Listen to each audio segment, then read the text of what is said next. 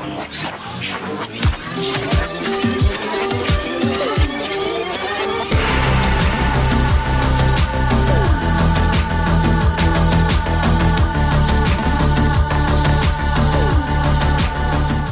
dag har jeg med meg to veldig veldig spesielle hedersgjester. Jeg har gledet meg sånn til å bli bedre kjent med det man kan trygt kalle hele Norges popstars.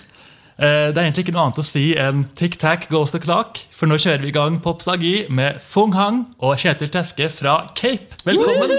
Tusen takk. Fikk jeg litt frysninger selv, ja. Det er veldig hyggelig å få lov å komme hit. Og så kjente jeg litt frysninger sjøl. Jeg- jeg det selv, du ja. eh, introduserte oss. Og det er bra, det er godt å høre. Dere skal jo få liksom, bli hyllet, det er det som er meningen. Takk. Ja, men det, det er hyggelig. Det er ikke hver dag man blir det lenger. Er det, jeg kan begynne med, å si, er det lenge siden dere to så hverandre sist, eller henger dere mye sammen som, gruppe, som band? liksom? Er det mye, ser dere Altså, mye det, er, det er en stund siden vi to så hverandre sist. Ikke sånn kjempelenge, men litt. I, var det i fjor eller forrige fjor vi gjorde denne konserten? Vet du hva, det er Det er faktisk forrige fjor? eh, to år siden. Ja. Vi gjorde en eh, sånn reunion-konsert på We Load 2000. Ja. Som vi spilte for 20 000 i Telenor Arena. Og da øvde vi jo masse sammen. Og sånn Og etter det så har vi faktisk tror jeg ikke truffet hverandre. Ja, men covid kom. Ja, covid kom, og så- men vi har liksom prata litt på nett, og sånn Men vi har ikke sett hverandre noe særlig siden det, vi to. da Nei. Mens jeg og Hanne vi har vært vært skikkelig søsken. Og, Ja. og det er det som vi taler på, på. Altså snort, for jeg og Hanne var så forskjellige eh, fra hverandre. Vi var, kjempe, vi var mest som motpoler. Og det er så snålt at vi har blitt så nære hverandre nå. Ja. Men, eh, men, men det som er så ålreit med Kjetil, da, eller med Øst, at når vi, hver gang vi møtes, så er det slik som vi møtes i går. Så jeg tror det, den opplevelsen gjorde at, eh, at eh, vi står hverandre så nær, sjøl om du ikke møtes ofte. Ja. Så er det den der klikket tilbake. At, og, og, og han er en likende kar, så når, når han møtte kjæresten min i stad, så bare 'Hei, Pelle!' og skravlet. Så er liksom det er, Ja, ja. Vi har blitt kjent med hverandres familier. Og så er det jo sånn der at vi på en måte Når vi gjorde Popstars tilbake i 2000-2001, så bodde jo vi sammen i et år. Vi var oppå hverandre 48, nei, 48 timer siden. 24 timer i, 48 timer blir litt ekstra mye, men 24 timer i døgnet eh, hele tida. Så, så det, vi er jo som eh, søsken mer enn en venneflokk. Ja. ja, Det må ha blitt en Eh, sånn ekspressfart å bli, å bli kjent. Du blir kjempefort kje- kje- kjent, og det at du hadde kamera oppå på deg altså De tre første månedene i hvert fall, så hadde vi jo kamera oppå oss hele tiden. Og det var jo en sånn der, De første par ukene så er det veldig, legger du merke til kamera hele tiden, og etter hvert så glemmer du det jo. Og, så, og så blir man liksom en sånn tett knytta gjeng som eh, På godt og vondt. Da. Eh, og det båndet ville vi alltid ha. Uansett om vi ikke har sett hverandre på et år, eller om vi ser hverandre hver dag. Så er det liksom det samme båndet. da. Det er så fint å høre, for det var ikke en veldig lang periode dere holdt på, egentlig. Men dere gjorde veldig altså, inntrykk åpenbart på kulturen og på deres liv. Det er gøy å høre om, egentlig. Ja, Ja, men jeg vil si at det, det er ikke bare for folk at det har gjort inntrykk. Altså, Livet mitt har jo altså, endra seg totalt etter dette der. Ja. Og så for meg som var 19 år gammel fra Brumunddal og har alltid drømt om å få lov å drive musikk, men når du kommer fra lite sted hvor du skal egentlig drive med fotball og håndball, og det å drive med musikk, det var bare tull. Det, skulle du ikke, det, var, liksom, det var så fjernt da, fra eh, min verden. Og, og der, der kommer vi jo fra veldig forskjellige steder igjen. ikke Ikke sant? sant? For, for jeg hadde jo eh, vært profesjonell, kall det musiker, skuespiller, eh, fra jeg gikk ut videregående, på en måte. Ja.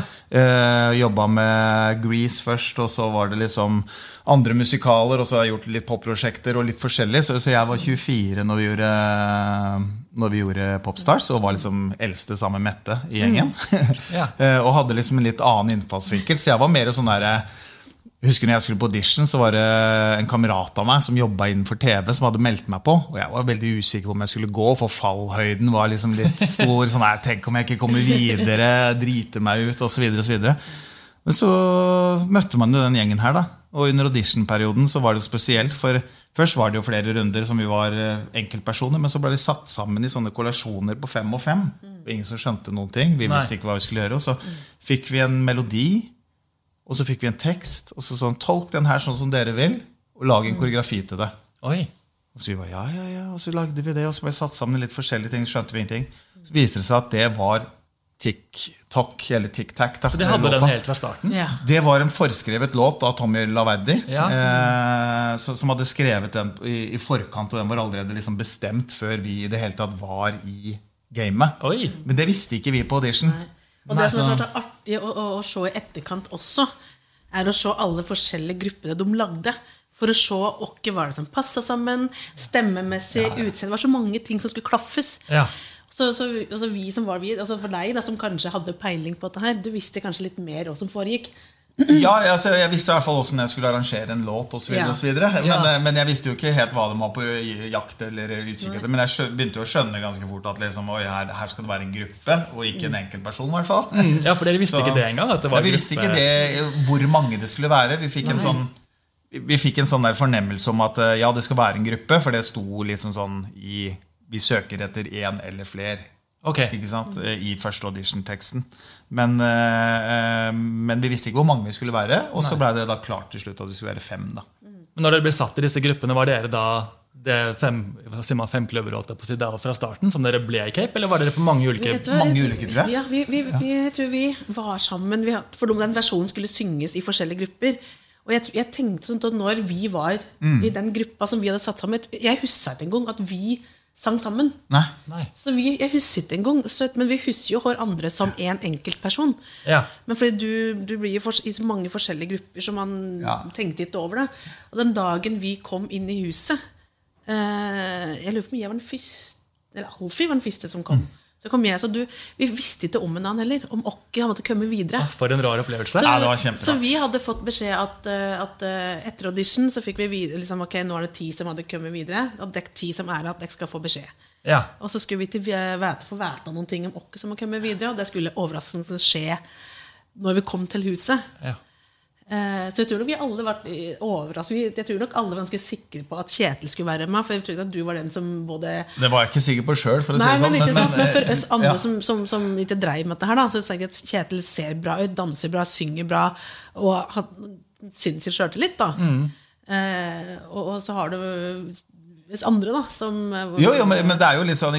Når man er på audition Det er jo en kjemperar konstruert greie som uh, folk som ikke har vært på audition, tror jeg ikke forstår helt. Men, men du kommer dit, og samme hvor god du egentlig er, om du heter Kurt Nilsen, eller om, du er en av oss, eller hvem du er, så, så får du en sånn usikkerhet. da Eh, som eh, kanskje jeg som da hadde gjort litt, ikke viste den usikkerheten. Men inni meg så bobler det jo. Det blir jo sånn derre Er jeg god nok? Nei, han der var jo kjempebra. Du har bare lært deg å skjule det litt. men du har lært å skjule det litt mer og lært å opptre litt mer profesjonelt. da Ja. Eh, eh, men, men liksom Det er jo en kjemperar greie å gå på audition. Eh, og det her var jo, for å bare forklare litt for de som ikke veit hva Popstars er, så var dette forgjengeren til Idol. da Det var de samme menneskene som lagde det, eh, lagde konseptet. Eh, og i Popstars så var det det å lage en popgruppe, og så følge popgruppen fra den ble lagd til eh, første singel ble sluppet. Ja. Mens eh, Idol, det de fant ut etter to sesonger med Popstars I Norge var det bare e- ett år, men eh, i andre land, da, i England og sånn, så fant de ut at det er audition folk har lyst til å se. Og da re- reinspikka de og lagde Idol-konseptet, da, som er audition-biten, og du slipper artisten i det audition er ferdig. på måten. Det er så synd, for egentlig sånn, som den nerden jeg er, da, så liker jeg så godt å se hele prosessen fra bandet blir startet til man lager musikken, skal gi den Ikke sant? ut, alt det der i tillegg. Det er veldig Ja. spennende, det også. Så Men det som jeg syns kanskje er mest rart, er at eh, i starten av 2000-2001, da vi var med, så var reality noe helt nytt nå. Ja. Det, var, det var helt nytt. Jeg tror ingen til altså, I Norge så var det Robinson, Baren og det var oss. Ja. Ja. Det var det som Og Big Brother kom. Big Brother kom. Ja, Men jeg sant? tror ingen til oss eh, skjønte det konseptet med å, å bli kjent over natta. Fordi det var ikke noe slikt fenomen den gang. Det var ikke så stort. Det var, vi visste om det at vi, For meg så var det å være kjent Jahn Teigen den gangen det var så stort, så stort. da Så når da lille meg fra Brumunddal plutselig blir kjent over natta, hvor du mest om skal tale over presse, ting som ikke helt skjønte Jeg, jeg, jeg forsto ikke. Altså jeg vil si det at, at Ja, ja. du skjønte nok mye mer hva vi var med på. Jeg vil si at jeg hang bare på og syntes alt var bare artig. Og så virkelig Ja. Jeg var lille jenta som bare syntes alt var kjempeartig, for jeg skjønte ikke konseptet med hva jeg hadde vært med på. Nei. Jeg bare hang med og sang og syntes det var det beste, og alt annet var bare bonus. Ja, men Da fikk du på en måte med deg den morsomste biten. da, for Du fikk liksom det, du slapp å tenke på hvor overveldende det egentlig var. Kjenne med på hvor gøy det Jeg vil si at jeg fikk skikkelig lillesøsterrollen. jeg var hun som ikke visste hen vi skulle på konsert, hvor mange konserter, så jeg fikk bare beskjed ta med tre antrekk. Og møte opp der, gjør ditt, gjør datt. Så jeg bare var veldig happy med å bare være med. Og, Ja. og jeg, Så jeg tror liksom at jeg lot For vi var fem personer også. Jeg tror nok det er vanskelig eh, å ha, at fem mennesker skal ha så sterke meninger. Så jeg tror nok jeg tok veldig lillesøsterrollen og trakk meg, og de andre kunne ta store nære beslutninger For det til Ja, musikalsk og litt sånne ting. Ja. Og jeg bare var med og gjorde det jeg fikk beskjed om. Mm. Eh, og, og eh, det var Ja, men det- det Og jeg var den eneste familie. som var single òg, da. Jeg var den eneste som var single i den gjengen der, så jeg levde jo livet mitt, jeg. Virkelig. Jeg hadde det det fint, jeg, når dere drev og ordna med sånn, eh, konserter og show og sånn, så jeg bare sier fra når jeg skal være med. Ja, ja, men det er jo sånn spesielt for, altså, Siden man blir en sånn sammensveisa egen liten familie, så er det alltid noen som tar styring. Ja, sant? ja, det skjønner jeg. eh, og eh, jeg tror nok jeg og Alf i hvert fall tok veldig mye styring på sånne musikalske ting. Eh, sånn, eh, Vi vil at det skal høres sånn og sånn ut. Og, og sånn Og så Hanne var veldig med på vokalen må låte sånn og sånn. Og, ikke sant? Så, så vi hadde jo alle våre roller sånn sett. Ja, For dere har også skrevet et par av låtene på albumet? Ja. Eh, vi skrev et par av låtene og, og, og hatt litt innflytelse på de tingene. Da. Og, Ja. og det som ikke andre vet, er at vi skrev jo et album til som alle skrev eh, noen låter hver seg. Oi. Som vi var og spilte inn demoer og sånn. Og vi, eh, vi fikk eh, ny kontrakt med da det som het V2 i eh, i England, som er på en måte underliggende Eller var, da. Underliggende selskap selskapet til Virgin oh, ja. eh, til, i, i, i London. Eh, men lang historie kort. eh, Du, litt sånn rettigheter og mange ting gjorde at vi valgte å ikke gjøre det. da. Ok, ja, for det vil jeg gå litt mer inn på Ja. etterpå. Men eh, bare, liksom, når dere da hadde kommet dere gjennom hele konkurransen Dere hadde danket ut 1100 andre, som jeg har forstått. 1104 ut fra din hjemmeside. Ja, ikke sant? Såpass, ja. Står det der? Det husker jeg ikke. Ja, ja, men det, Rett skal være rett. ja. Eh, var det liksom, da var det en slags, Dere hadde vært gjennom en slags bootcamp, en pop-bootcamp, altså det som var på TV. da. Det var jo som Dere lærte på en måte å danse, dere fikk makeovers, alt Ja. skjedde. Altså, det, det var jo uh, veldig spesielt. En bratt læringskurve. Eh, og spesielt da for, for eksempel deg, Fong, som ikke hadde gjort noe sånt før. Ja. Så var det jo veldig bratt læringskurve. Og, men, men alt var på en måte veldig sånn strømlinjeforma. Og altså, vi hadde ikke det er, litt sånn, det er det som er litt farlig med reality. Altså, det er mange ting som er bra, men det er et par ting som er også litt farlig. Du, du har ikke så stor stemme selv da, når du kommer som helt uetablert. Eh, og så sier liksom eh, stort plateselskap, eh, TV-produksjon Du skal se sånn og sånn ut. Du skal ha på deg det her. Og så sier du nei, jeg vil ikke det. Jo, jo, jo. Og så kommer det fem personer og viser noen bilder. Jo, det ser så bra ut hvis du ser sånn ut. Ja, For de vet jo eksakt hva de vil ha. vil. Ja, ikke sant? Eh, Men, så kanskje du ikke vil det helt selv. Ja. Men så blir du med på den reisen, for du, du, du tør ikke å si så mye. da Hadde det skjedd meg i dag, så hadde jeg kanskje på flere punkt sagt sånn Nei, det gjør jeg ikke. Eh, altså Det var jo ingenting vi ble tvinga til, det er ikke det, men det er noe med å ha så mye sterke folk rundt deg som vet hvor du, de vil. Ja, det og så jeg, vet du ikke helt selv hvor du vil, for du hadde vært med på det. Nei, nei. Og da er det, det er litt sånn vanskelig. Så er det med at man må bare stole på seg mennesker rundt seg. Da. For man må bare tenke på at disse menneskene Eller man tenker seg alltid at de vet best. Fordi de har vært i bransjen så lenge, de har peiling. Det her er jo jobben deres. Så man må jo bare stole på dem. Men det er noe med at man er ung, man syns det er gøy.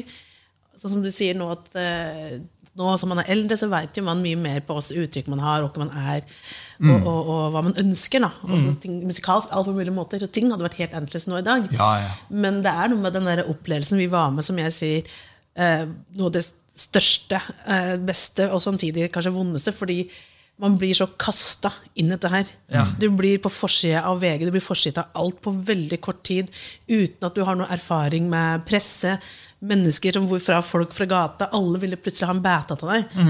Eh, Så det er ganske rart sånn Vi spilt, spilte vi, vi var kanskje i dette huset som vi prater om. Vi bodde sammen da i et, Hvor eh, var i det et huset, år. egentlig? I Fredensborgvegen. Ja, okay. Rett over den gode kafé den gangen. Så vi hadde vår egen Friends-kafé. Som hyggelig. Som vi møttes hver dag og hadde møtene. Alt skjedde der. Det burde komme et sånn lite kulturmerkestempel. Ja, det, det, Han har jo gått på, han har jo vært, fått ny eier nå, da, men det var eh, ja. Det var en, Det var en time, men da når vi gjorde det her, da, så, så var vi jo kanskje sammen i seks-syv uker før noen ting ble vist på TV. Ja. Så for oss så var hverdagen helt lik, bare at det føltes et kamera rundt oss. Ja. Og på dagen etter det her hadde vi hatt første premiere på, på TV, da kunne du ikke gå i Karl Johan lenger. Det Altså, det, hører, det Det høres ganske sykt ut, men, men da, da var det sånn hver femte meter så kom noen bort til deg, løpende, hylende bort. Altså, det var sånn Og, og folk Eh, grein. ja. Og det er sånne ting som du blir så, du blir så fjernt fordi ja, sånn Folk grein, liksom. Og du, også for meg, da, som bare altså Eneste gangen når folk fløg og skreik etter meg, bare for å kalle meg for jævla svarting, og kom det hjem av det, var bare negative ting. Altså, mens nå så er det liksom folk kom og grein fordi de ønska autograf, ville ta bilde og ville klemme på deg. Så at Plutselig så bare står du der og du bare står der bare og kikker rundt deg. Bare, ok, Hva gjør jeg nå? Men Det er jo hyggelig, men det blir veldig overveldende. ja, Ja, ja. det skjønner jeg. For jeg altså, ut fra datoene som jeg funnet, så flytter de inn 15. januar i det huset. Og så tre måneder senere så varmet dere opp på Westlife i Valhall. Ja. For å sette mm. litt perspektiv. da. Det er ganske sykt, den reisen der. Det er ganske sykt, og, og det ikke så mange vet. Altså, A-ha hadde jo konsert der tre uker etterpå. Ja. Så vi er det første norske bandet som hadde konsert i Valhall. er eh, for full, full sal. Dere tok innersvingen på a-ha. Så måte. vi tok innersvingen på a-ha. Og det som er litt gøy, når vi var på den Westlife-konserten, eh, så var det Og det, det her er, er, er ikke tull, det er ikke oppspinn, men det var like mange fan av oss som av Westlife på den konserten. Det var Cape-plakater overalt. Å, for en gøy Og følelse det for var dere. utrolig gøy. Og, og um, Nå kjenner jeg de Westlife-gutta bitte lite grann, så jeg skal ikke si noe stygt om de, men uh, vi blei jo ganske fort litt, her i Norge i hvert fall, litt kjent for det at eh, vi faktisk kunne synge live. Mm. og ikke bare var en sammensatt gruppe som ikke kunne synge, men så fine ut sammen. Eh, så de kuppa når, når de hørte at det låt såpass bra som de gjorde, så stoppa de eh, lydprøven vår. Nei. For de var litt sånn derre Nei, eh, dere trenger ikke å ha så lang lydprøve. Eh, men, men det var altså litt sånn for at de skulle jo toppe det. På en Ja. måte. Eh, og det gjorde de jo selvfølgelig. Altså Westlife, kjempestort band, ikke noe tull med det. Men, men det var litt sånn ja, Altså, de kjente faktisk litt på en slags konkurranse der. Litt på en konkurranse, for vi var jo i samme segment. Ja. Ikke Jeg tror heller mer, jeg tror nok de ble overraska at vi var så store som vi var. Og det tror jeg vi Ja. faktisk var overraska sjøl. For jeg tror Ja, man tenker ikke oppvarmingsband, man tenker ikke på at det er så mange som skulle like det. Og det her var første konserten folk visste om Cape også. Mm. Derfor så var det så mange som kom. Men jeg tror nok den der, som vi sa òg, du, du, man blir så, så, så rar fordi alt blir plutselig kjempestort, på godt og vondt. Ikke sant? Fordi reality var jo fortsatt en negativ ting. Så hele tiden så følte vi også vi måtte motbevise folk at vi faktisk kunne synge. Ja. Eh, Så dette, at vi, altså, dette med å, å, å Nå i dag så er reality-konsept mye Folk veit jo, og de sier ja til i dag. Folk er mye mer forberedt. Folk Mm. vet jo også dette med å bruke media. Vi visste jo veldig lite. Eh, Jeg tror ikke de som arrangerte eller visste hvor stor det skulle bli. Nei. jeg en Nei, nei, følelse nei. av så, så når vi da skulle ha konsert da på Oslo City ja. Eh, Det er kanskje noe av det villeste. Det er ville opplevelser, men i hvert fall da husker jeg at du måtte stenge av senteret, for det var for mye folk pga. sikkerhet. Oi. Og det var liksom, vi, altså igjen, vi visste jo ikke. Og, og vi trodde vi skulle komme dit og bare ta noen låter. Ja. Og så Ja. kom det dit, og så, det var så mye folk at vi bare Oi, dette her var overraskende. Og så da vi, du kommer inn, og det var vektere som bare, vi bare Oi, hva er dette for noe? Og det bare ble bare større og større. Ja, og det, det her var jo første offentlig det, var jo faktisk eh, akkurat rundt Westlife-greiene. Da hadde vi en sånn signeringsrunde Ja. eh, som vi var rundt eh, på alle Var det Platekompaniet det Ja, het den gangen? sant, ja. eh, rundt omkring og signerte. og, og liksom Det kom på småsteder Så kom det liksom 2000 mennesker for signering. Vi satt der en hel dag og signerte fordi at det var så mye folk. Og, og da på, som du sier, på Oslo City, som vi da i forbindelse med signeringen, så sang vi gjerne tre låter eller noe. Ja. Eh, spilte tre låter. Og, da, og da, der var det over 4000 mennesker som kom bare for å se på det. Så det var helt fullt i det senteret. Det er helt vilt. Eh, og, og, og det samme liksom, Byporten dagen etterpå. Ja. Det er vegg i vegg. Like mye mennesker. Ja. Ikke sant? Sånn at det var, det var helt, Ja. helt vilt. Jeg leste I VG stod det at dere var på Vinterbro og signerte en gang. og Da hadde de Ja. glemt å annonsere at dere skulle være der. Ja. Men så kom det jo likevel masse fans bare på sekundene når de fikk med seg at dere var der. Og tenk deg, da hadde- da var det ikke sosiale medier engang. På samme måte. Nei, Hvordan fikk de egentlig med seg at dere var der? lurer jeg på. Nei, jeg har ikke peiling. jeg tror, jeg lurer på om sikkert da TV3 Det var jo en internett hadde kommet med den der, Ja, det var noe der. og den gangen ringte folk at noen. Så jeg tror nok folk visste jo Men som jeg syns var så snålt, den der opplevelsen ta, som vi sier, at folk drev og tok på oss. Ja. du går, og folk liksom skulle ta på deg og skrike og, så, og grine. For det er slike ting for meg som lite har sittet og sett på store Ja. stjerner på MTV. Ja. At liksom folk grein og svimte av. Jeg har sånn. gjort det samme med Ricky Martin. Fantastisk. Ja, men for meg da, så tenker jeg at Ok, men og hva er det som gjorde at du grein og svimte av? Dette, dette, dette har jeg lyst til å forstå, da. Ja, jeg vet ikke, men jeg svimte ikke av. Altså, men jeg, jeg, jeg tok på ham på skulderen, og så var jeg etterpå liksom Hva, hva gjorde jeg egentlig nå? Altså, jeg tenkte liksom, Ja, ja. Dette var ganske rart, men jeg klarte ikke å la være. Ja, Der må man miste liksom en kontroll over seg selv. Yes, og det er Da- det som jeg syns var så snålt for meg. da For jeg er jo jeg er fung, jeg er lille jenta fra Brumunddal, og du, ja, du driver med musikk. Derfor så ble den, opp, den der ut av deg sjøl-opplevelsen så ekstremt stor når du står der og folk står altså, kunne vært de samme menneskene og kunne møtt meg sikkert inn i matbutikken etterpå og kanskje bare gått forbi. Mm. Men jeg tror det skjer et eller annet når du kommer på konsert. Du er, du er, hausa opp, alt er så veldig gira. Ja.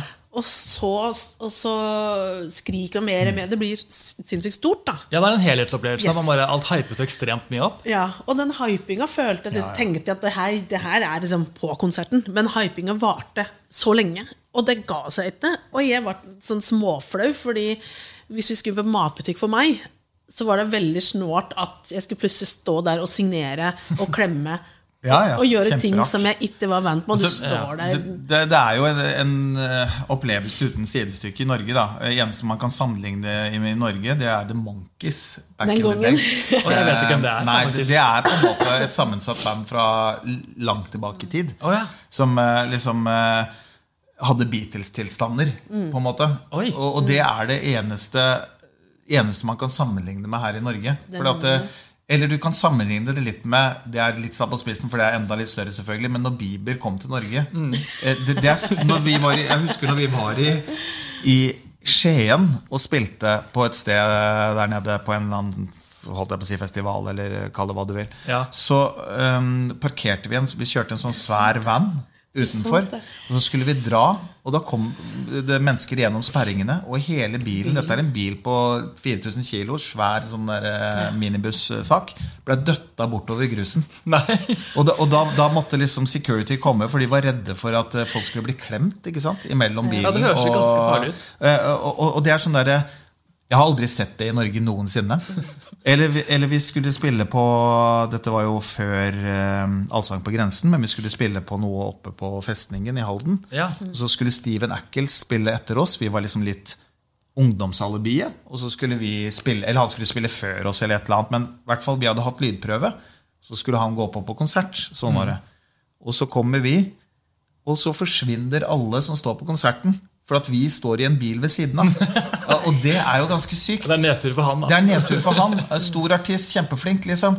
Men, men, men, men det var liksom Det var så vill eh, hverdag. Altså, jeg har spilt musikk i alle år etterpå. Aldri opplevd noe lignende. Selv om det har vært med på populære ting eller vært gitarist i band som har gjort det stort.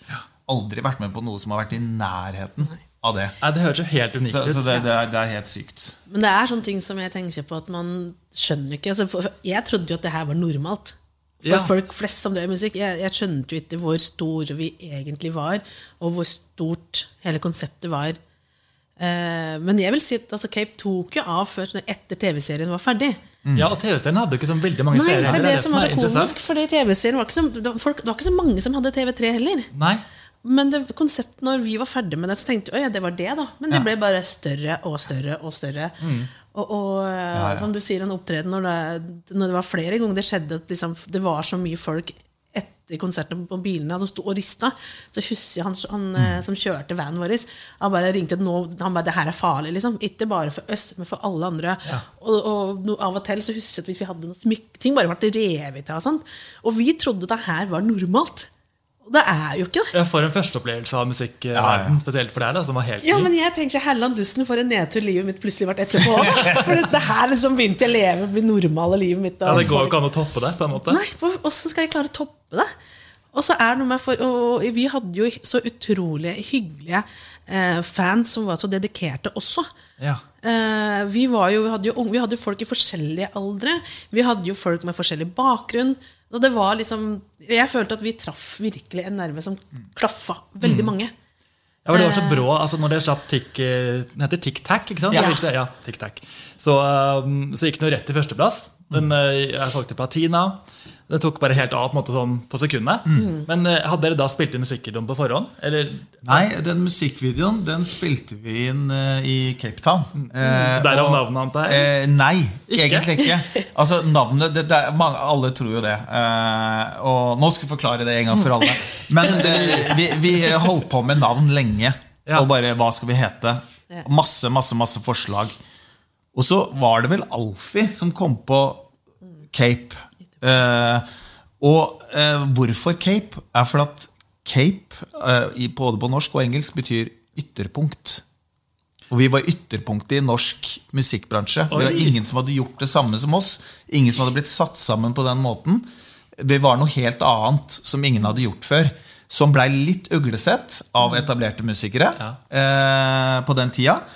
Altså, Vi var jo nominert til Fire Spellemann. Vant ingen, selv om vi var den mest selgende låta. Mest populære låta. Ikke sant? Altså sånne ting. Og det er ingen av oss som er sure for det, eller noe sånt, men, men det er jo sånn typisk greie. Vi var ikke etabler, altså, vi var vi litt uglesett etablert sett siden ja, vi var den, satt Sånn type popmusikk generelt fikk jo ikke så veldig, Nei. ble jo ikke så anerkjent, egentlig. Nei, den blei ikke det den gangen. Så, sånn at det var eh, Så, så, så det er der, derav navnet, da. At Det var en liksom- helt annen, eh, mye dypere betydning enn jeg kunne se for meg. Ja, jo, men det er jo det. Det er jo en mye dypere betydning. Men, men eh, så var vi da Vi sto i Telenor Arena, fikk beskjed om at vi skulle spille på Westlife. Og bare Shit, skal vi spille på Westlife? Og så står eh, manageren og platedirektøren der, eh, og så sier de Å, vi skal til Cape Town og spille i en musikkvideo. Ja. Og alle bare What?! liksom. Så var det å dra til Cape Town, da. Å, så gøy. det Og bare det, da, å få lov å reise til Cape Town og lage en sinnssykt fet og kjempedyr musikkvideo den gangen. Ja. Mm. Det var jo så proft at det var så Det var for, en, for en opplevelse. Ja, ja. Jeg, jeg vet ikke åssen det er nå, men jeg vet per den, Den datoen, den gangen, så var det Norges dyreste musikkvideo. Det var det. Det var bare var a-ha sin video, tegneserievideo. Take on me. ja. Take On Me, som var i nærheten i forhold til inflasjon. Og, Oi, og og det var deres første video. Det er helt vilt. Så- Men, men den videoen fins dessverre ikke tilgjengelig, som vi har snakket om Nei. så vidt før vi begynte. Eh, litt ulike rettighetsgrunner til det. Mm. Men eh, Vi skal sjekke det og finne ut at det her, den Ja. videoen må jo ha kommet en gang for alle. For Ja, er jeg lei jeg. av å svare på alle spørsmåla om det samme hele tida. Ja. ja, jeg har Så, ikke men- sett den på 20 år. Jeg husker liksom ikke helt klart hva som skjedde, men kan dere ta meg litt gjennom den? Sånn hva som var plottet, liksom? Boy meets girl. Nei, Nei, altså Det var jo en feel good-video, uh, så det var ikke så kjempestor handling. Eh, vi starter med at vi danser på et tak på toppen av Cape Town, kan man si. Og da er det, er ikke litt sånn kul eh, Da danser vi eh, koreografien som alle til dags dato. Altså Jeg har jobba veldig mye musikaler og med forskjellige musikere og dansere og ting de siste 20 åra. Og hver gang jeg møter noen nye som er sånn Er du han derre han der fra Cape? Ja. Og det neste som skjer, er opp med Snapchat og TikTok! Kan du, ta, kan du ta den dansen? Jeg bare, Nei, jeg husker ikke dansen. Ja, men vi husker den! Vi husker den! Det kan hende jeg må bedre gjøre det etterpå. Det er, det er mulig. veldig komisk at Det det, fortsatt komisk. esker så lang tid, og folk husker både dansen og Så ikonisk eh, dans. Ja, og, og, og det som jeg syns er kanskje artig, er at eh, når vi begynte med dette, så var det veldig mange som også i musikkbransjen var skeptiske. Eh, for mine to store opplevelser husker jeg var at noen som skulle intervjue Øst, og slike ting, var liksom dette her, eh, for de var anerkjente musikkanmeldere. Som bare alt av reality, det var bare pissete, var, var kjempenegative. Og det er samme person som er 70 i etterkant og skal gi terningkast og anmelde Idol. Oh ja, er det det? Så for meg så tenkte jeg at nå, noen ganger har jeg lyst til å sende en melding og si bare du, dette her har du sagt før. liksom. Mm. Så det er man skal være litt forsiktig med å eh, si slike ting, for ting Mm. endrer seg. Veldig. Ikke sant? Og, og dette med og, og for da, som var litt underdog, som ikke skulle bli likt for- fordi, Og jeg skjønner jo på en måte det, fordi her er det folk som har støtt i kjelleren og spilt år etter år, og så kommer det plutselig fem slekker og får masse kreds. Mm. Det føles kanskje ikke helt autentisk, Litt urettferdig, si, og jeg har forståelse for det. Men en, eh, det som jeg nå har lært, er at i stedet så hva alle andre gjør bra. Så jeg tenker at hva kan jeg gjøre bra, da? Man må fokusere på seg sjøl. Mm. Men for meg så husker jeg så godt eh, eh, eh, Første applausen jeg fikk, da, som betydde ekstremt mye, var ta D-Sound. Oh, ja. For det var tre eh, det, det, Kim, Simone og, og Jonny. Og det husker jeg så godt. For vi skulle spille da eh, samme opptreden. Og det var nede den kjelleren som het Head On. Ja, Head On, ja. Det Stemmer det. Og, og mye som skjedde der på Head Men da husker jeg så godt at da kom Jonny bort og sa vet du hva, jeg syns dere er flinke. For da hadde han sett oss synge. Og sånne ting Og det betydde så mye for meg som da, at en så anerkjent, stor artist som jeg så opp til, kom og sa dette her. Og de var store artister, supersnille, superdyktige, og kom og klappa oss. Og på en måte gir oss den anerkjennelsen for at vet du hva, dere gjør bra, ikke bry deg hva andre sier. Altså deilig, Siden de på en måte er anerkjente, ga det litt av det Ja, virke og det dere, betydde kanskje? så mye for meg. Det husker jeg så godt. At det er noe med liksom når folk som andre ser opp til, som er så dyktige og kan, og kan på en måte klappe og gi oss en tommelen opp. da. Ja. Eh, og, og eh, det er noe med store artister. Nå er du stor nok og trygg nok, så klarer du å applaudere og dra andre opp. Jeg må si at jeg følte litt det samme selv når jeg hadde med Vegard Shortcut Olsen i podkasten min. altså Ja. Topp 20. Ja. Han, har, var, var Han har vært på var besøk hos. Han har vært på besøk hos meg, han. Det kan jeg tenke meg. Da satt jeg altså og tenkte sånn, Nå gir han meg et kompliment om at jeg har en hyggelig prat. Det var veldig stort for meg. for jeg kjenner meg sånn, Han måte fått det til, så jeg skjønner veldig hva du mener. Ja. Og, og da betydde det så mye. Og så, eh, og så vi tar det på head on. Altså, Sjuke opplevelser. Altså, det er jo morsomme den der, eh, forskjellen på meg For du har jo vært ute en vinternatt før og opplevd og skjønner jo mye mer. Ja, det er dine ord. Ja, men for, for, altså, han, Du har jo det, Ja. i, i forhold til meg, som var ganske naiv og eh, ikke Ja, ja, ja. Nå skjønner jeg hva du sikter til. Nei, da, det, Fung ble spurt om eh, hun ville ha litt cola på toalettet. Oi, okay. Og hun svarer at 'nei, jeg er ikke tørst', jeg. Så det er jo litt eh, den verden eh, vi var i da, på en måte. Skjønner, skjønner. Såpass uskyldig. Men jeg skjønte jo ikke det når folk Altså, yeah, cola. Jeg tenkte cola, drikke cola. Ja, det ville jeg også gjort. Ja, Ja. sant? Så Jo, men De fleste vanlige mennesker gjør jo det. Men akkurat på et toalett i en litt sånn mørk nattklubb Var det her på head on, dette også? Yes. Ja. Ja, men jeg, Det var jo kø på guttedoen Nei, på jentedoen. Det var så lang kø. Så jenta spurte om jeg ville være med på guttedoen. Og jeg tenkte at det her var jo smart. Og hun gikk inn på jentedoen, og hun tok ned dolokket. Og så sa hun bare 'Har du lyst på litt cola?' Og jeg tenkte at nei, nei takk, jeg, er ikke så tyst, jeg. Men takk for at du spurte. Så det er veldig bra. Så Ja, det er et veldig fint bilde egentlig på hvor Ja. sånn nytt alt var. Ja. ja, ja, ja. Men det er Det er for meg, i hvert fall. Det er, jeg sier fortsatt nei takk, da. Jeg er ikke tyst. Ja, det er godt å høre. Jeg òg. Men eh, denne sangen gikk jo på en måte litt over forventning for alle, tror jeg. Mm. Og eh, eh, til og med deres manager eh, Morten Knutsen Han sa at han også, det var liksom, dette var litt mer enn vi alle trodde, men vi kommer nok til å holde på et par år med dette her. Mm. Og så slapp dere album ganske kort tid etterpå. Var det, leste dere spilte inn det på 16 dager. Kan det stemme? Det kan nok stemme. Det gikk ganske kjapt, altså. De Ja. det. Hadde dere da Kom dere inn i studio, og så var på en måte så, nesten alt klart? som Nei, synge, altså det, det, det vi gjorde da, var at vi brukte ganske altså, Selv om innspillinga var rundt 16 dager, det akkurat det husker jeg ikke, men det Nei. stemmer helt sikkert, så brukte vi jo hele perioden fra vi fikk vite om TikTok, fram til vi begynte å spille inn albumet, på øh, å på en måte shoppe låter. Ja. Og på å prøve å skrive litt. Så, så vi satt jo hjemme i den leiligheten vi eh, hadde og spilte, og vi hadde keyboard og hadde gitar og satt der og lagde låter og sånne ting. Det er godt å høre at dere fikk muligheten til det. Ja, ja, ja. Samtidig som vi eh, da var inne i alle de forskjellige Den gangen sendte man jo CD rundt istedenfor å bare få ting på mail eller gå inn i en, eh, en bank et eller annet sted. Men da fikk man f.eks. her fra Universal da, et par CD-er med låtskrivere som Universal hadde signa, Ja. med liksom låter. Og så begynte man å lete og se kan dette passe. Nei, dette var ikke helt det vi ville. Og så jobba man sånn, da. Ja, For dere har med veldig mange ulike låtskrivere og produsenter på albumet? Ja, det, det har vi. Eh, alt fra Stargate, eh, tidlig Stargate da, til da eh, Oslo Recording, som vi jobba mest med, som var på en måte hovedprodusentene. Det var Ken og Jon Willy Ja. Rydingen. Så, så, så det var på en måte de som var hovedprodusenter for albumet. Eh, men, men det var mye forskjellige inne som kanskje hadde fått med en låt, og da var også produsenter på den låten. Da. Ja, Jeg liker så godt at det heter Capability, for det er så gøy ordspill på, på navnet. Det er litt Ja. sånn som Justin Timberlake gjorde med Justify. Ja, ja, ja. Og, og, og, jo, men og, disse tingene hadde jo vi med en finger i spillet. Ja. Altså, altså Alle sånne ting var, s- som vi kunne ha en finger med i spillet. Og, og jo mer etablert vi blei på den korte tiden, jo mer meninger hadde vi jo også. Man lærer jo mer underveis. Så ja. Og albumcoveret der, hvor var det dere tok det bildet? Når dere står der i sånn gjennom Det var i Cape Town. alle- Det var i Cape Town, ja. Mm. Alle i sånne sorte klær, og ja, det ser veldig Det kult ut. eh, ja.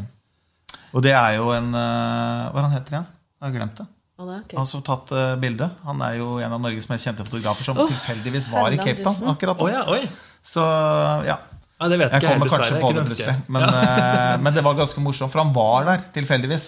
Ja. Og så eh, tok han bilde, rett og slett. Når vi dansa altså det, det bildet er tatt oppå en motorvei som ble bygd for at de skulle ha OL oh, ja. i, eh, i, i Cape Town, men så, sommer-OL. Men så blei det ikke noe av pga. apartheid osv. Så, videre, og så, videre, så den ble stoppa. Så, så den står der kanskje fortsatt i dag, det vet jeg ikke, men det er en helt flunka ny som jeg bare stopper, og så ti meter fra kanten så er det et stort luksushotell som står liksom Oi. foran der veien skulle kjørt videre. Nei, så rart. Så det er ganske rart. Men jeg husker så godt den opplevelsen når vi dro til Sør-Afrika også. Det er den der, eh, vi sto jo opp ganske tidlig på morgenen for å filme, for vi skulle få med oss liksom, soloppgangen. Så da det tic-tac, eh, akkurat den der sekvensen, dansen, Ja. på de steinene på den broa, det var liksom on time. At vi hadde kun liksom der skal dere stå akkurat der alt skal være ferdig. På grunn at vi skal få med soloppgangen. Ja. Og da, jeg husker så godt Det var kanskje en av de få gangene jeg faktisk var skjerpa. Fordi det her var det fordi det, En av de få gangene. For det her var så proffe mennesker, flinke folk, og, folk har, og, og det var så, ting var så ordna.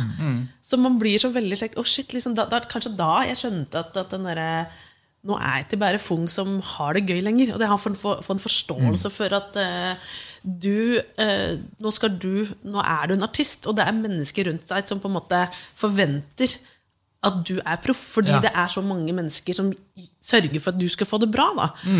Og da vel kanskje da jeg komme til å kanskje skjerpa meg litt mer. Kanskje. Kanskje. kanskje. Nei, jeg, jeg hadde vel sånn uh, eureka-moment også der nede. Uh, det var mye fint som skjedde der, men en av de mest spesielle og fine tingene, syns jeg, vi var ute i townshipene Ja. rundt uh, Cape Town uh, og hilste på og fikk se hvordan folk levde der. da, uh, Under helt forferdelige forhold i pappesker og blikkhus. Eh, og i Cape Town så den gangen så bodde det vel 4,5 millioner mennesker. 750 000 er som deg og meg. Og så er det en liten elite på 300 000 som er steinrike. Og så er det da liksom 3,5 millioner mennesker som lever i grusen, i ørkenen utenfor, i pappesker. Ja. Og, og da var vi i den største townshipen der, som 1,5 million mennesker bruker. Og der har de én lokalradio. Alle har radio, så de hører på radio i alle skura rundt omkring. Vi kommer inn dit, har intervju med en veldig hyggelig fyr der som sitter og intervjuer og mellom hver ting han sier, så prater han jo da på lokalspråket sitt, og, som vi ikke skjønner noen ting av. Men Ja. sier masse ting. Og idet vi går ut derfra en time etterpå, så står det fullt av unger utafor. For da har han sikkert sagt at 'kom til radioen'. Så Cape-effekten funket der også. Ja, så når vi kommer ut, så må vi danse og synge. Sammen med de. En improvisert minikonsert utenfor der med masse tusen barn. Altså, Altså, det er helt fantastisk. Ja, ja. Og så dro de meg oss inn til, inn til huset deres. da.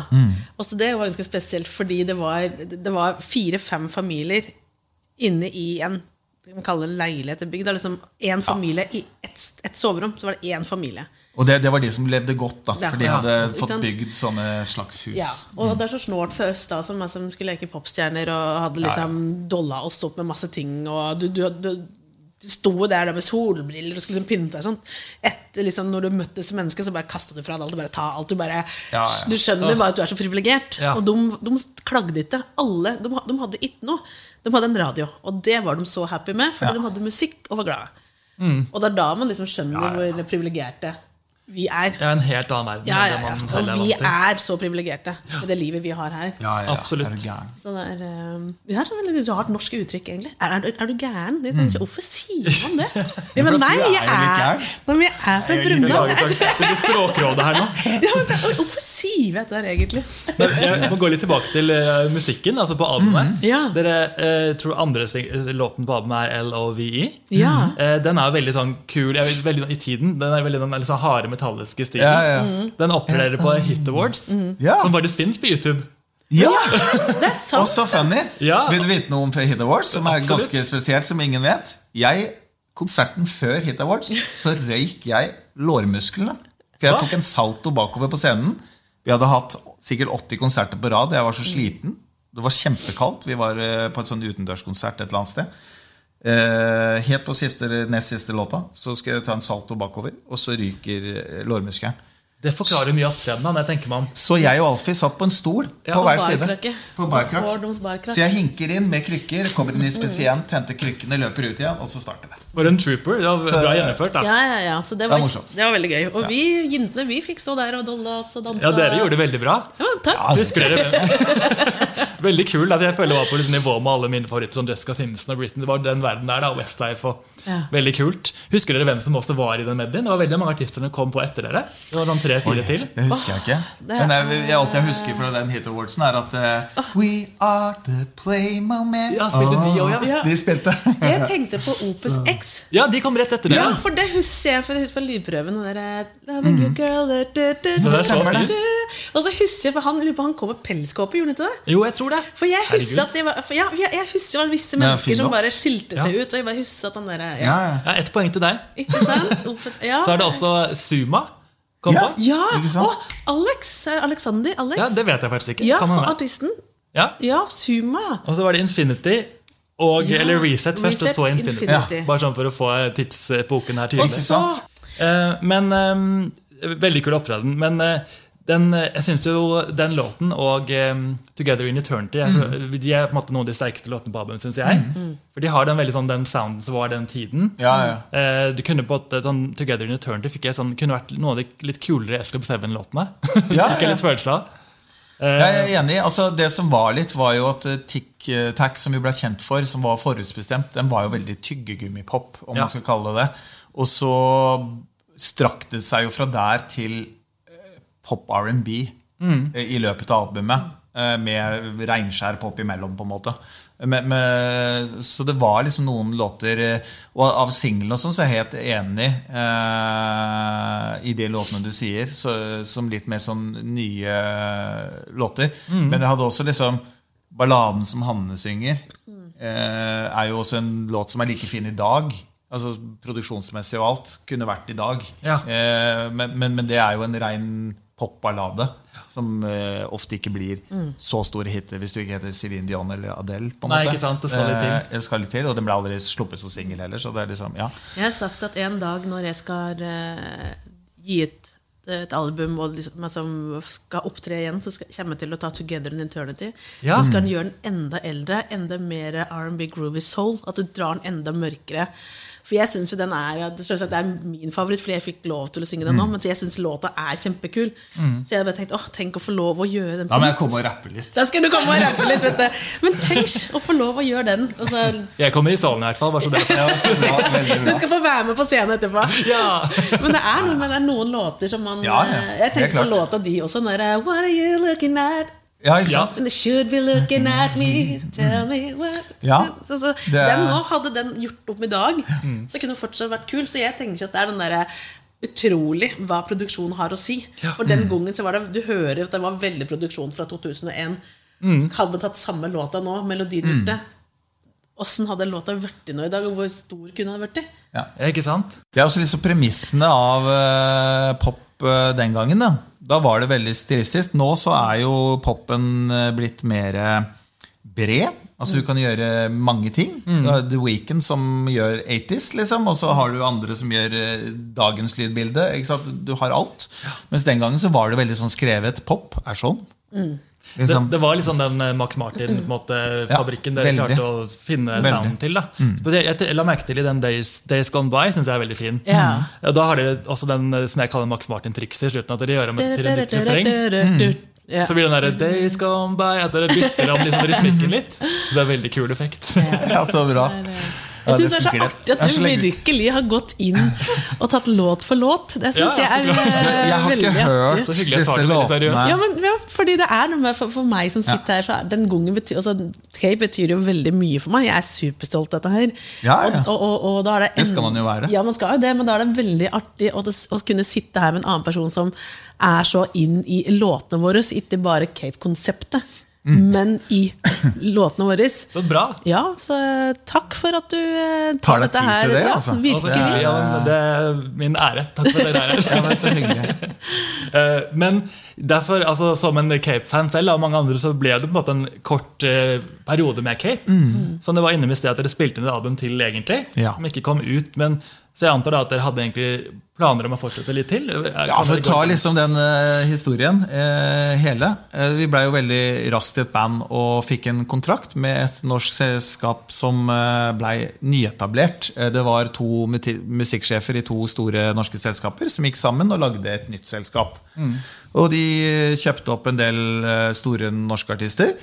Eh, For det var NUI, altså Norsk Ja. underholdningsindustri, som Ja. ble til EMG. Og så ble det til noe mer etterpå. Wow. Ja, det kan godt hende. Men, men, jeg er ikke sikker på hva det har blitt etterpå. Men, men, men de hadde f.eks. av typisk norsk, norsk så hadde de Finn Kalvik som sant, eh, solgt masse plater innenfor norsk visesang. Ikke sant? Og så, eh, så de hadde en fem-seks store artister og en del mindre. Ja. Vi var en av de store som de satsa mye på, eller blei jo da, etter hvert, for vi solgte ganske bra. Men så vis, de kjøpte da opp en svensk spillegigant, for de ville bli en sånn multi, multiindustri, på en måte, gjøre litt forskjellige ting. Ja. Så de kjøpte opp en svensk eh, spillegigant som het Arricade på den tida. Og det dro med seg en ganske mye greier ned i, eh, i sluket, på å si det sånn. Det gikk konkurs. eh, Og dro med seg en del penger inn i et konkursbo. Eh, Og det er der på en måte rettighetene på musikkvideoen, TV-programmet vårt, sånne ting ligger i det konkursboet. Eh, Så til det er oppløst på en eller annen måte så Det kan godt at det er det nå, jeg har ikke sjekka. Men eh, til det eh, Sjekker du?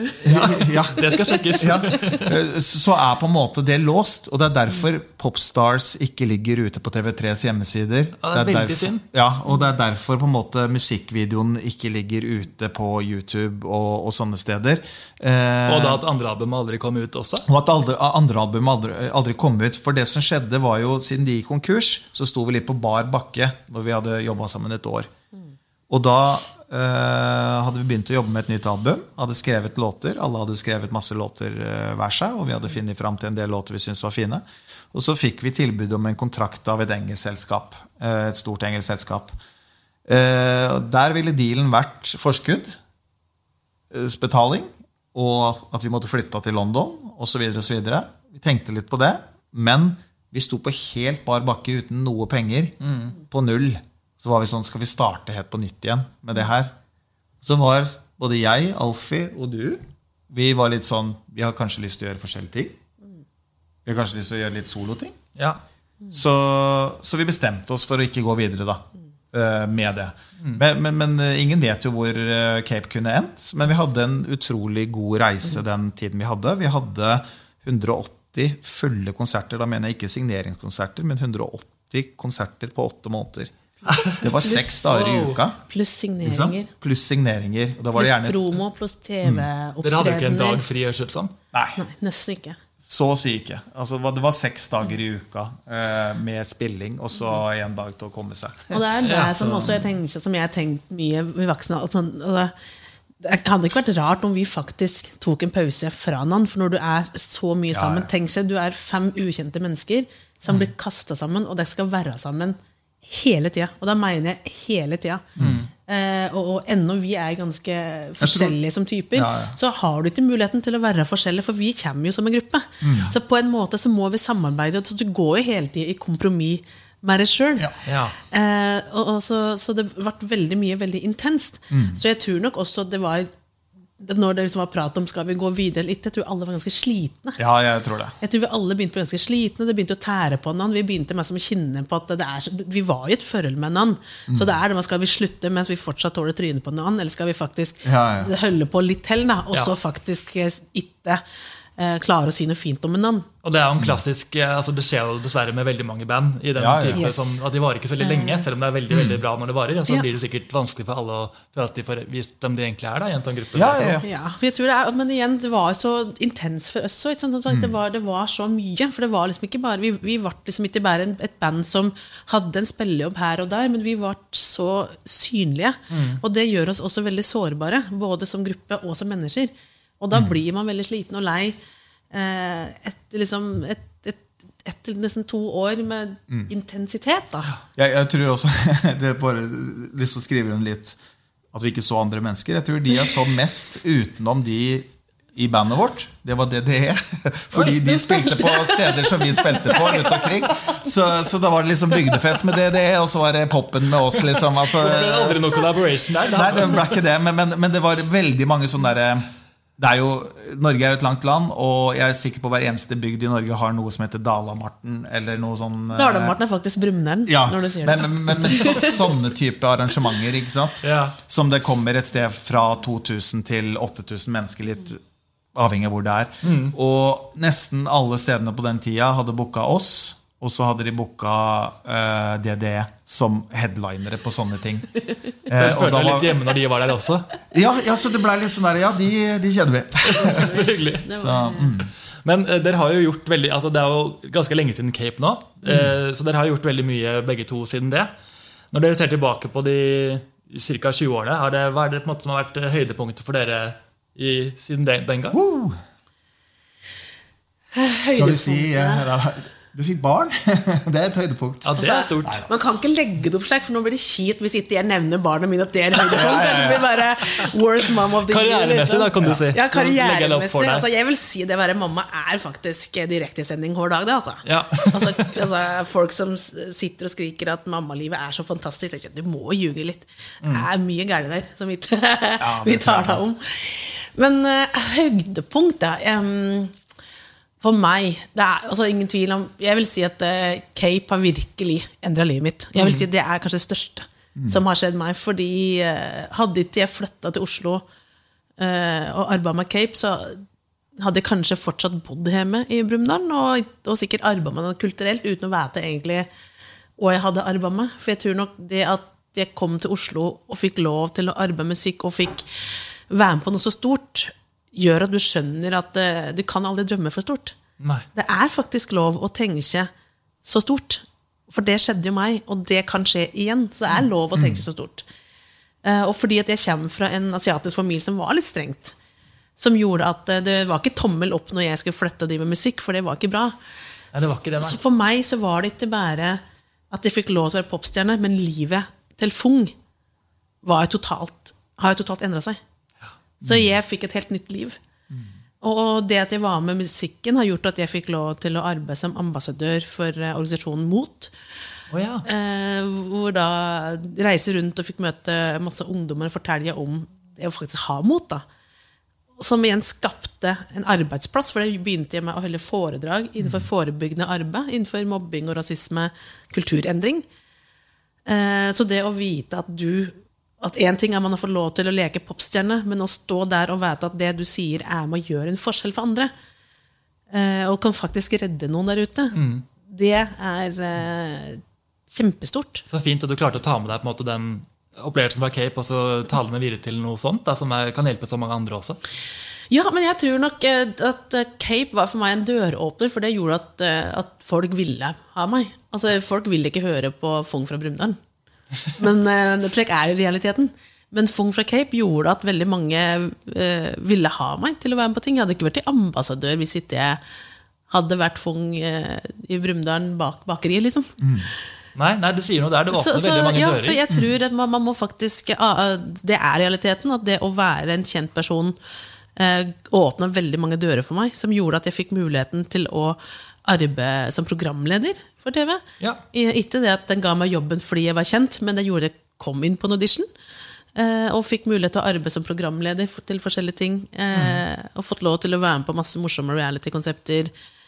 Eh, men mest av alt er det å, å vite at du får lov til å være en, en stemme som faktisk kan være med og gjøre en forskjell for andre. Det tror jeg kanskje er det største og det er høydepunktet for meg. For eh, det er ikke sikkert Funger fra Brumunddal hadde fått eh, den muligheten hvis ikke jeg hadde vært med i Cape. Ja, der nailte du svaret, må jeg si. Det var veldig fint sagt. Jeg tror ikke jeg skal si det! jeg. Ja, men så Derfor jeg ja. mente det med høydepunkt som mamma, for jeg tenker det kan jo jeg gjøre ja, ja. i Brumunddal. Ja. Men det livet jeg har fått, og, og, og åssen det har påvirka meg som menneske eh, Virkelig. Og, og, og nå i dag, som 40 år, og tenker at ja, vet du hva, jeg har fortsatt mange drømmer, og jeg tør å, å, å, å satse på det. Fordi jeg har fått det til før. Og det Ikke sant? kan skje igjen. Det er godt å høre. Det er Motiverende, fine ord, syns jeg. Ja, men vær så god. Er Alle lyttere, ta det til dere. La dere inspirere. Det er bra. Det er for min del så har det vært mange øyeblikker, noe helt annet enn henne. Men jeg har jo vært så heldig. Jeg jobba jo allerede fem år før Cape med, med musikk eh, på heltid. Alt fra musikaler, teater, eh, både foran og bak, eh, bak scenen, holdt jeg på å si. Og det gjør jeg fortsatt. Eh, så var jeg jo heldig og vært programleder på TV på So We Think You Can Dance. Jeg har jo dansebakgrunn fra Statens balletthøgskole, og sånne ting, så jeg, jeg har liksom eh, hele tiden hatt det. Eh, og med breakdance og street og alt jeg har nå dansa opp igjennom. Eh, så, eh, så jeg har gjort det liksom hele veien. Og så til dags dato så holder jeg på med musikk. Det har jeg gjort hele veien. Både som sanger og, og korist og som gitarist. Eh, musiker, på en måte. Jeg driver et lydfirma i dag som vil levere lyd til veldig mange store artister rundt omkring. Og driver også et lydstudio på Grünerløkka som vi har veldig masse flinke popartister innom og, og Ja. lager plater og sånn. Uh, så Da er det håp for ny musikk, da? Fra du, det er så håp, det. Jeg har jo gitt ut uh, mye rart opp igjennom som ikke folk vet om. Jeg har lånt bort stemmen min til, til en del forskjellig musikk opp igjennom, Ja. som har blitt store suksesser. Uh, og det mest surrealistiske Dette er lenge siden, da. Okay. Pornofilm.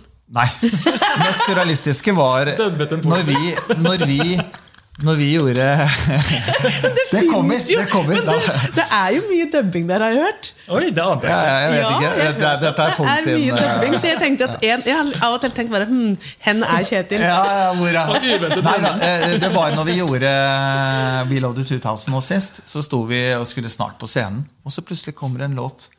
Og så er det søren meg jeg som synger på scenen, men det er en annen som står og mimer. Oi! Så det var litt Ja, spesielt. hvilken sang var dette? Dette var uh, Bompibjørn-sangen. Altså.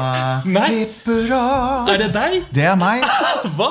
Og forhistorien til den sangen Den er også morsom. For jeg satt hjemme på Grünerløkka, som jeg bodde den gangen. Ble oppringt av en fyr som jeg kjenner da i et studio. Som sier du, du kan svensk, kan du ikke det? Jeg bare, ja, ja, ja. Ja, for du har bodd i Sverige? Ja, jeg har bodd litt i Sverige. Spilt teater i Sverige og sånn. Så ja, jeg bodde i Sverige. Ja, kan du komme opp, for at vi sliter litt med å få inn vokalen på en låt. Han som skal synge, det klarer ikke å synge svensk. eh, Så kan du bare komme opp og synge. Ja, jeg kommer opp. Gjør to take gjennom låta. Fint, det. Eh, Så liksom får eh, penger for det. En faktura liksom er det greit at du bare får for den eh, timen du var her. liksom Så bare, det, ja, ja, fint det Åtte-ti uker etterpå så Kjæresten min den gangen eh, sitter og ser på VG Topp 20 med Shortcut, som har vært her. Ikke sant? Eh, og så plutselig så bare hører hun en den stemmen og så bare Er ikke det deg? jo da, da er det en sånn teknoversjon av Bompebjørn-sangen. Ja, var det. Britney Bears? Britney Bears, ja. Ja, for jeg husker jeg så det, jeg trodde ikke med det jeg bare, er, Står det Britney Spears? Hva er det som skjer Ja. her? Ja. veldig... Så, så det, er, det er det mest surrealistiske. Uh, synger på andre ting òg, men det er liksom sånn en synlig ting som var, blei veldig fenomen Ja. en stund. Men som man aldri har på en måte tatt kreditt for.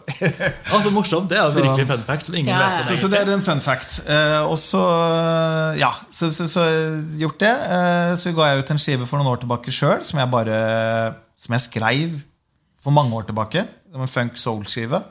Og den eh, ga jeg bare ut eh, uten noe annonsering, så den har jeg ikke annonsert i det hele tatt på Spotify eller eh, noe sånt. Nei. Men den har nå 300 000 avspillinger uten at det har vært annonsert et eneste sted. sted. har funnet sitt publikum på Så, så, egen så den har funnet et et lite publikum. eh, Eller ganske mange, da. Men eh, jeg vet ikke hvor mange som har hørt den på flere ganger. eller noe men, Og så kommer det en ny skive i år. eh, som Det gjør er, det, Ja, Som er noe helt annet. Eh, Eller det er pop, da. Okay. Eh, Med en blanding av det var enda av godt for min del. Ja, jo, men det, det er pop med en blanding av eh, eh, Det går ikke mot soul og funk den gangen her, som jeg har beveget meg mye før, men eh, det er blanding av eh, pop og litt poprock. Kanskje litt eh, pop-country eller countryrock, om du kan kalle det det. spennende. Litt sånn, eh, Nå heter de ikke det. Hva er de heter nå? Antebellum, Lady Antebellum het de før, men nå har de jo bytta navn. har de bytt, eh, Lady A eller noe sånt? Ja. Lady A er det, ja. ja. Ja. Så, eh, så, så, litt i den gata på det som er mot country. Ja. Men ellers så er det pop, altså. altså Så spennende. Pop. Så det er er det, spennende. altså jeg antar at det altså ligger på rettighetsproblemene, men kan man noen gang få hørt dette andre albumet, tror dere? Vårt Alnor-album? Ja, nei, nei det, det er ikke ferdig produsert. det ikke liksom Nei, eh, så det er bare demoer som vi har liggende hjemme i skuffen. Ok, Så det- kanskje spille den for meg. Bare en Ja, dag. kanskje, kanskje det. Vi skal ha, du får komme på besøk med litt asiatisk aften og litt, eh, Ja, ja, ja. litt Veldig, veldig, veldig gjerne. I bytte mot barnevakt. Absolutt. Jeg kommer til å følge deg på det. Men eh, da tror jeg egentlig vi skal runde av, for nå har vi på en måte vært gjennom deres eh, karriere i sånn korte trekk. da, så klart. Det er utrolig gøy å bli kjent med dere og høre hvor vilt dette eventyret egentlig var. Og alt dere har gjort i etterkant også. Dere har gjort så mye fint, begge to. Så jeg vil egentlig bare si eh, tusen tusen takk for at dere ville dele hele deres historie. Det var veldig gøy å høre. Tusen takk for at vi fikk komme. med. for at vi fikk lov til å komme med, og takk for at du er så Cape-fan. Jo, bare hyggelig. Nå må dere bare lære meg koreografien ordentlig, så er jeg Det, fornøyd. det skal vi nok klare. Yes. Ha det bra, dere. Takk for at dere hørte på.